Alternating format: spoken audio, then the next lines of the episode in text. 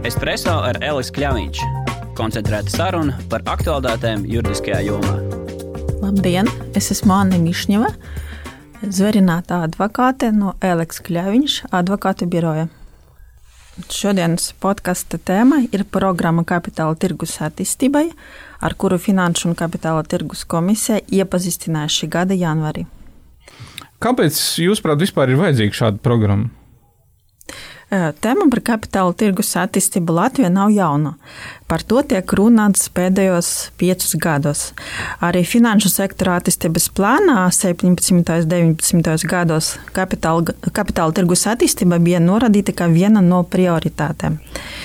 To pozitīvo lietu vidū, kas ir izdarīts iepriekšējā gadā, var minēt akciju opciju un ieguldījumu kontu regulējumu ieviešanu Latvijā, kā arī valsts atbalsta programmu mazo un vidējo uzņēmumu kotēšanai biržā.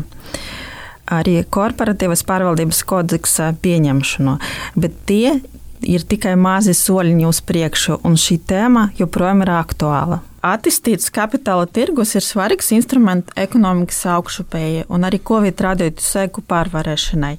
Tas veicinās arī Latvijas iedzīvotāju labklājību. Kā izskatās Latvijas kapitāla tirgus pašreiz? Tas ir ļoti maz.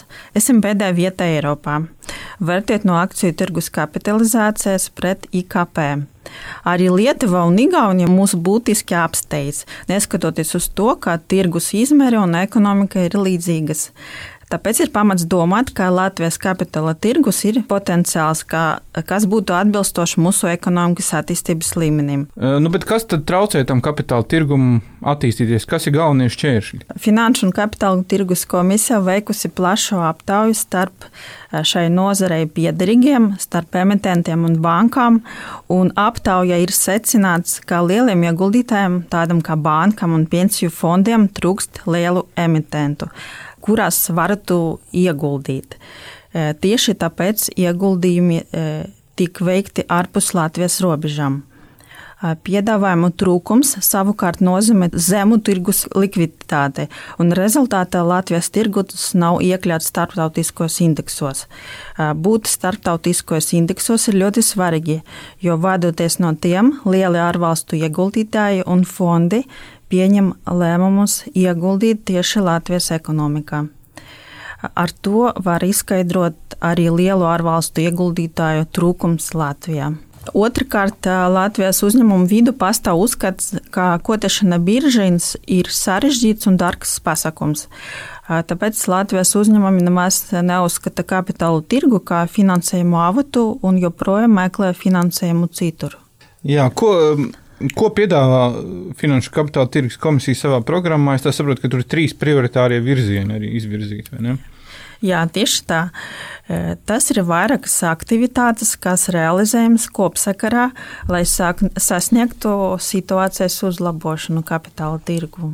Pirmkārt, e, tas ir valsts lomas palielināšana tirgus attīstībām valstī pieder lieli uzņēmumi, kas pateicoties savai veiksmīgai darbībai, varētu būt interesanti biržai. Savukārt Latvijas pensijas fondi ir gatavi ieguldīt šādos emitentos. Otrakārt, ir nepieciešams veicināt ieguldījumu aktivitāti Latvijā. Pērn tikai 10% no visiem darījumiem ar finanšu instrumentiem Latvijā notika ar Latvijas finanšu instrumentiem. Šeit ir vesels komplekss ar jautājumiem. Latvijas nodokļu sistēmas konkurētspējas nodrošināšana un nodokļu atvieglojumi ieguldītājiem būtu vieni no galvenajiem. Runājot par emitentiem, ir plānots pārskatīt likumu un biržas noteikumus, nolūkā samazināt regulatīvu slogu. Darbs pie normatīvo pārskatīšanas ir tikai sācies, un vēl nav zināms konkrēti piedāvājumi.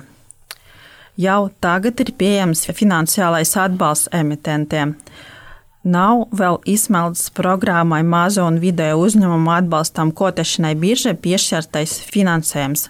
Mēs paredzam, ka programma tiks turpināta arī šogad, un emitenti, kas atbilst mazo un vidēju uzņēmumu statusam, varēs pretendēt un uh, saņemt arī atbalstu šai programmai. Arī Eiropas līmenī notiek darbs pie kapitāla tirgus attīstības. Šogad septembrī Eiropas komisija publicēja rīcības plānu, kur galvenais akcents likts uz Eiropas mēroga vienotu kapitāla tirgu, zaļām finansēm un digitalizāciju. Jā, viena no prioritātēm, cik es saprotu, ir arī pensiju schēmas līdzekļu ieguldīšana kapitāla tirgu. Un, bet šobrīd taču jau to var darīt. Kas tad šeit būtu tie šķēršļi un kas būtu jāuzlabo? Pašreiz pensiju otrā līmeņa aktīvu summa ir 4,5 miljārdi eiro, un tikai 16% no tiem ir ieguldīti Latvijas ekonomikā. Savukārt tikai 1% ir ieguldīts Latvijas akcijas. Kā piemēru varam paskatīties uz Svetbankas otro pensijas līmeņa fondu dinamika. Fonda portfelī ir neliels daudzums Olaņa farma un Hanza Matrix akciju. Latvijas valdības obligācijas, Altuma un Latvijas obligācijas. Ir daži ieguldījumi Baltijas valstīs, bet lielākā daļa no aktīviem ir izvietota Rietumē, Eiropā, Spānijā, Francijā, Austrumē, Eiropā, Rumānijā, Horvātijā, attīstības tirgos Meksikā un Čīli, Japāna un ASV. Faktiski mēs ar saviem pensijas līdzekļiem finansējam citu valsts ekonomiku, ignorējot savējo. Svetbankai ir bijuši vairāki pētījumi, kas parādīja, ka Latvijas iedzīvotāji vēlētos, lai viņu nākotnes pensijas kapitāls tiktu ieguldīts vietējos uzņēmumos. Nedomāju, ka šeit ir juridiska rakstura problēma, vienkārši Latvijas tirgu trūkst atbilstoša piedāvājuma. Pensiju plāni ar aktīvu ieguldījumu politiku drīkst ieguldīt uzņēmuma akcijas. Tie meklē akcijas ar labu ienesīgumu, ar pietiekami lielu apgrozījumu biržā. Piemēram, Lietuvā biržā ir piecas valsts un pašvaldības uzņēmumi. Igaunijā tagad ir divi. Latvijā mums, diemžēl, šādu lielu uzņēmumu akciju piedāvājumu nav. Tātad, ja būtu vairāk šo lielo uzņēmumu, tad arī bankām būtu lielāka interese ieguldīt, eh, tirgus būtu likvidāks un tas pensiju kapitāls arī būtu tikt ieguldīts vairāk šeit. Tātad risinājums šai problēmai būtu aktīvāka valsts, un ne tikai valsts, bet vispār liela uzņēmuma iesaist kapitāla tirgu, eh, kas ir arī viens no šīs programmas mērķiem. Varbūt jūs varat komentēt vairāk, ko tas īsti tas nozīmē un kā tas būtu paveicams. Finanšu sektora attīstības plāna ir paredzēts līdz šā gada beigām izstrādāt skaidru stratēģiju un plānu privāta kapitāla palielināšanai valsts uzņēmumos un finansējuma piesaistēji, izmantojot obligācijas. Kādi būtu ieguvumi no valsts uzņēmumu kotēšanas biržā? Labums būtu gan pašiem uzņēmumiem, gan Latvijas ekonomikai, arī Latvijas iedzīvotājiem. Startautiska prakse liecina, ka privāto akcionāru līdzdalība valsts uzņēmumos sekmē to pārvaldības efektivitāti, pieaug vērtības un kapitāla atdeve. Vienlaicīgi tas dod iespēju dalīt izmaksas un zaudējumus ar privātu sektoru un ļauj publiskus resursus izmantot citiem mērķiem. Valsts kapitāla sabiedrību kotēšana biržā arī dos grūdienu kopējai ekonomikas izaugsmē. Lielu valsts uzņēmumu ienākšana kapitāla tirgu radīs būtisku kapitalizācijas un apgrozījumu pieaugumu biržā. Rezultātā Latvija tiks iekļauta starptautiskos indeksos, un eh, starptautiskiem investoriem būs interese arī par Latviju. Valsts uzņēmuma publiskais piedāvājums aktivizē to arī iedzīvotāju interesi un zināšanas par ieguldīšanu. Cilvēkiem būs iespēja ieguldīt savu brīvu naudu labi pārvaldītos valsts uzņēmumos. SKDC pirms dažiem gadiem veiktajā aptaujā rāda, ka 49% no respondentiem ir gatavi un vēlētos to darīt. Labi, šie iegūmi mums ir skaidri. Uh, par tiem jau ir arī runāts agrāk, bet kāpēc tad nekas neiet īsti uz priekšu? Un vai jums ir kāds piemērs, kāda tad uzņēmuma varētu tikt ie, iekļauta biržā? Jautājums ir politizēts un nav viegli risināms praksē. Valsts ir pieder vairākiem uzņēmumiem. Lielākā daļa no tiem pilda sociālo funkciju, izglītība, veselība, aprūpe un kultūra. Šāda uzņēmuma kotēšana biržā apsverta netiek.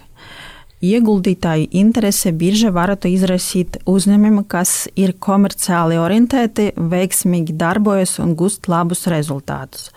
Vēsturiski pelnošāki ir bijuši Latvijas energo, Latvijas valsts meža, Latvijas telekom, Latvijas Lato un CSDD. Dažas komercsabiedrības līdzas valsts kapitālam pastāv arī privāts ieguldītājs, piemēram, Latvijas Air Baltica un citos uzņēmumos. Tur nepietiek tikai ar valsts gribu, bet arī jāņem vērā, vērā šī privātā īpašnieka intereses.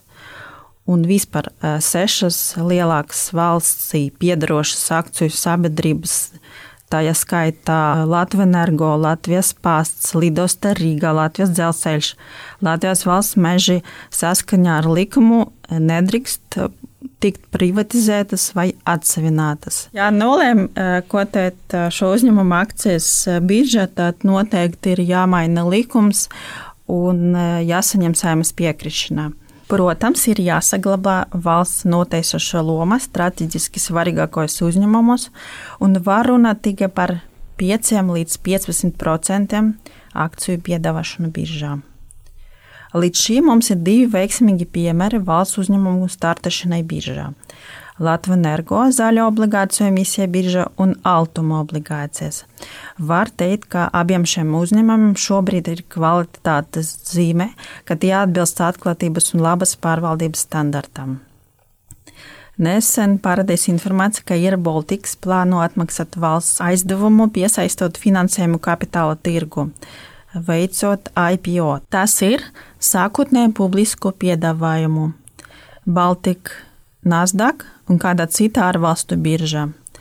Par nodomu veikt IPO ir Baltika runa jau sen. Ir Baltika šobrīd, protams, atrodas ļoti smaga finansiāla stāvoklī, un, lai iegūtu ieguldītāju uzticību, viņam ir jāparāda, ka uzņēmums ilgstermiņā ir dzīvotspējīgs un varēs sasniegt finansiālus mērķus, kad beigsies Covid pandēmija. Tātad šī programma paredz līdz eh, šī gada beigām izveidot attīstības un atbalsta modeli, kas ļaus emitentiem sagatavoties dalībai kapitāla tirgū. Ko tas īsti nozīmē? Kā, kā šī programma sagatavos? Latvijas uzņēmumu vidū pastāv uzskats, ka gotašana biržā ir sarežģīts un dārgs pasākums. Viņi nesaprot, kā tas strādā. Nezina, piemēram, ka ar Nasdaq Baltica ir pieejams ne tikai regulēts tirgus, bet arī alternatīvs tirgus, kas ir ar mazākam regulatīvam prasībām un lētākam izmaksām. Programmas mērķis ir sniegt potenciāliem emitentiem pilnīgu priekšstātu par kapitālu tirgu un iespējami piesaistīt resursus tajā. Ir plānots plaši runāt par kapitāla tirgu, organizēt diskusijas, seminārus, apmainīties ar viedokļiem, runāt par plusiem un rosināt uzlabojumus. Piemēram, šobrīd pavasarī notiek Fuktuk un biržas rīkotais diskusiju cikls par aktualitātēm šai jomā. Arī Eleks atbalsta šo mērķi un gatavs dalīties ar savām zināšanām un pieredzi. Gribu atgādināt, ka bez informatīvā atbalsta maziem un vidējiem uzņēmumiem ir pieejams valsts finansiālais atbalsts. Sekmīgai akciju un parādu vērtspapīru emisijai biržai var saņemt līdzfinansējumu līdz 50% no kopējām sagatavošanas izmaksām. Atbalsts ir līdz 100 tūkstošiem eiro akciju emisijas gadījumā un līdz 20 tūkstošiem parāda vērtspapīru emisijas gadījumā. Mēs paredzam, ka šī programma turpināsies strādāt arī šogad. Lielu uzņēmumu atbalstām 20. gadā ir izveidots Altuma kapitāla fonds, kas ir tiesīgs pirkt pārada vērtspapīrus Nasdaq Baltika alternatīvā un regulētā tirgū. Tāpat šobrīd Baltijas valstīs sadarbība ar ERAP strādā pie akcelerācijas fonda, Baltijas IPO fonda izveides kas veiktu ieguldījumus uzņēmumos, kuri plāno veikt publisko akciju emisiju biržā. Jūs jau sacījāt, ka viens no tādiem šķēršļiem varētu būt uh, regulatīvā sfēra un arī kādi nodokļu jautājumi, kur varētu kaut ko uzlabot, lai veicinātu kapitāla tirgu. Varbūt tad varat īsumā komentēt to, kas ir šie regulatīvie jautājumi un nodokļu jautājumi, kur uh, kaut kas būtu jāmaina un jāuzlabo. Viens no svarīgākajiem jautājumiem ir mazākuma akcionāra interešu aizsardzība publiskajās sabiedrības. Esošajam regulējumam ir trūkumi un nepilnības. un dažos jautājumus tas neatbilst Eiropas regulējumam. Tāpēc šobrīd top jauns speciāls likums, akciju atpirkšanas likums, kurām pateicoties procedūrā kļūst saprotamākā, un arī tas sniegs lielāku aizsardzību mazākuma akcionāriem. Tāpat būtu nepieciešams ievest nodrošinājuma aģenta institūtu uzņēmuma obligācijām. Pašreiz likums nedod risinājumu, uz kā vārda reģistrēt emitenta sniegto nodrošinājumu, ja ir vairāki kreditori. Reģistrēt katru ieguldītāju kā ķīles ņēmēju ir apgrūtinoši, bet citi juridiski risinājumi ir saistīti ar potenciāliem riskiem ieguldītājiem. Tāpēc nodrošinājuma aģenta institūta ieviešana Latvijā būtu ļoti svarīga. Finanšu un kapitāla tirgus komisija un birža apņemušas pārskatīt likumu un biržas noteikumus un nākt klajā ar konkrētiem ierosinājumiem regulējuma vienkāršošanai. Un nodokļu jomā, kas būtu tur darāms? Runājot par emitentiem, Latvijā šobrīd ir ļoti neizdevīgs nodokļu režīms procentu izdevumiem. Ja uzņēmumam ir nepieciešams piesaistīt nebanku finansējumu, tostarp kapitāla tirgu. Saskaņā ar Latvijas Finanšu asociācijas pētījumu šis regulējums ir viens no nepievilcīgākajiem visā Eiropā.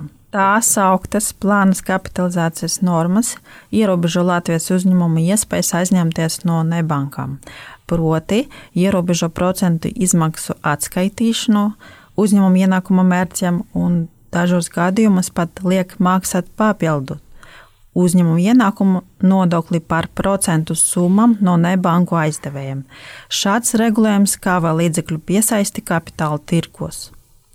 Būtisks kāveklis ir arī šī brīža iedzīvotāja ienākumu likuma regulējums, kas nosaka pienākumu iemetentem veikt ieturējumu no izmaksātajiem procentiem, kas arī ir nesamērīgs administratīvais sloks eh, ar ikmēneša atskaitēm Latvijas uzņēmumiem. Salīdzinoši nesen tika ievests ieguldījuma konta režīms, kurā ietvaras nodokļi ir jāmaksā tikai izņemot peļņu no šī konta. Tas ir ļoti pareizs un ieguldījumu kultūru veicinošs aspekts, bet, diemžēl, arī šeit viens trūkums. Šobrīd ieguldītājiem nopirkot Latvijas uzņēmumu obligācijas un saņemot kuponu, emitents jau izmaksas brīdī ietur ienākuma nodokli. Tātad ieguldījuma konta tiek ieskaitīta summa pēc nodokļu nomaksas, un zūd arī ieguldījuma konta priekšrocība. Savukārt, ja ieguldītājs caur ieguldījumu kontu nopērk piemēram Lietuvā emitētas obligācijas. Viņā kontā ieskaita pilnu kuponu summu. Praksi tas nozīmē, ka tas, kurš ieguldījis Latvijas obligācijas, saņems nevis pilnu kuponu summu, bet tikai 80%. Savukārt, ieguldītais Lietuvas emitenta obligācijas saņems pilnu kuponu summu. Šāda veida Latvijas emitenti ieguldītāju acīs kļūst mazāk pievilcīgi un konkurētspējīgi. Tāpēc būtu vērts pārskatīt nodokļu režīmu, un, lai novērstu šīs nepilnības. Anna, sakiet, kas, kā jums šķiet, kas ir pats būtiskākais, ko vajadzētu izdarīt? Um, nezinu, likumdevējam, izpildvarai, kādam citam, lai šo kapitāla tirgus stagnējošo jautājumu sen jau apspriest, to izkustinātu no vietas. Kas ir pats svarīgākais, ko vajadzētu izdarīt? No ļoti svarīgi sagatavot to likumdošanas bāzi. Arī tos nodokļus jautājumus arī e, ļoti e, svarīgi tagad sakārtot, lai ieguldītājiem būtu izdevīgi e, ieguldīt tieši Latvijā, Latvijas, Latvijas finanšu instrumentos. Sagatavot to bāzi brīdī, kad, piemēram, parādīsies jau konkrēti emitenti, ar uh, Latvijas valsts kapitālu. Kapitāla tirgus Latvijā ir bijis, ir un droši vien arī vēl kādu laiku būs tāds jautājums, pie kā atgriežas katra valdība, katra jaunievēlētā saima. Mm, un katrs ekonomikas ministrs un arī finanšu ministrs droši vien mēģina pielikt kaut ko no sevis, uh, agrākajām idejām, tajā, lai šo kapitāla tirgu attīstītu. Un, un tas būtu iekārojams ieguldītājiem, investoriem. Uh, līdz šim tas protams, nav jau arī tā, ka nekas nav noticis. Ir uzņēmumi ir iegājuši biržā un, un tie akcijas tiek kotētas. Ir arī ieguldītāji, bet nu, tāda milzīga izrāviena nav bijis. Šobrīd mēs saprotam, ka, ja ir tapusi šī īpašā finanšu un kapitāla tirgus komisijas programma, tad vismaz tiks aktualizēts eh, tas jautājumu kopums, kas, par ko mums būtu jādomā tieši šobrīd, mūsdienās, šobrīd, šā brīža apstākļos, Iespējams, ka kādi nelieli uzlabojumi uh, var nest arī lielākas pārmaiņas nākotnē, un šis tirgus kļūs aktīvāks un pievilcīgāks ne tikai pensiju kapitālam, bet arī katram ieguldītājam, katrai fiziskajai personai. Espreso ar Elisu Kļāviņš. Koncentrēta saruna par aktuālitātēm juridiskajā jomā.